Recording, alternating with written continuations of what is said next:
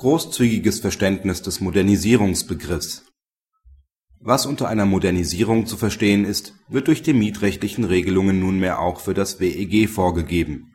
Dies rechtfertigt es, von einem weit gefassten Verständnis auszugehen. Die Wohnungseigentümer beschließen mit sieben von acht Stimmen, dass ein früherer Beschluss hinsichtlich der Stilllegung von zwischen den Einheiten verlaufenden Kaminen aufgehoben wird.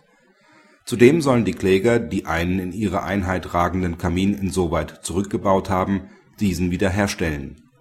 Die Kläger halten die Wiedereröffnung der Kamine für eine bauliche Veränderung, die ihrer Zustimmung bedarf. Dem folgt der BgH nicht.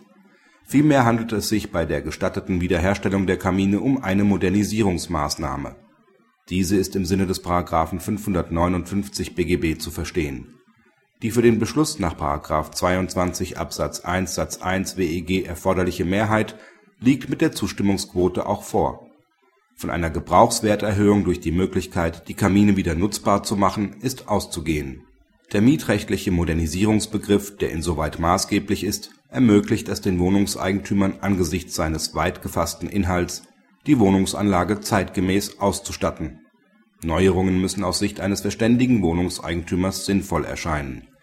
Die im Zusammenhang mit der Wiedereröffnung der Kamine auftretenden Umstände können keine nicht hinzunehmenden Nachteile darstellen. Praxishinweis Aufzuheben war der Beschluss nach Ansicht des Senats jedoch hinsichtlich der Verpflichtung der Kläger den von ihnen entfernten Kamin wieder aufzubauen. Dieser Anspruch muss gesondert geltend gemacht werden, weil zur Begründung von Leistungspflichten die Beschlusskompetenz fehlt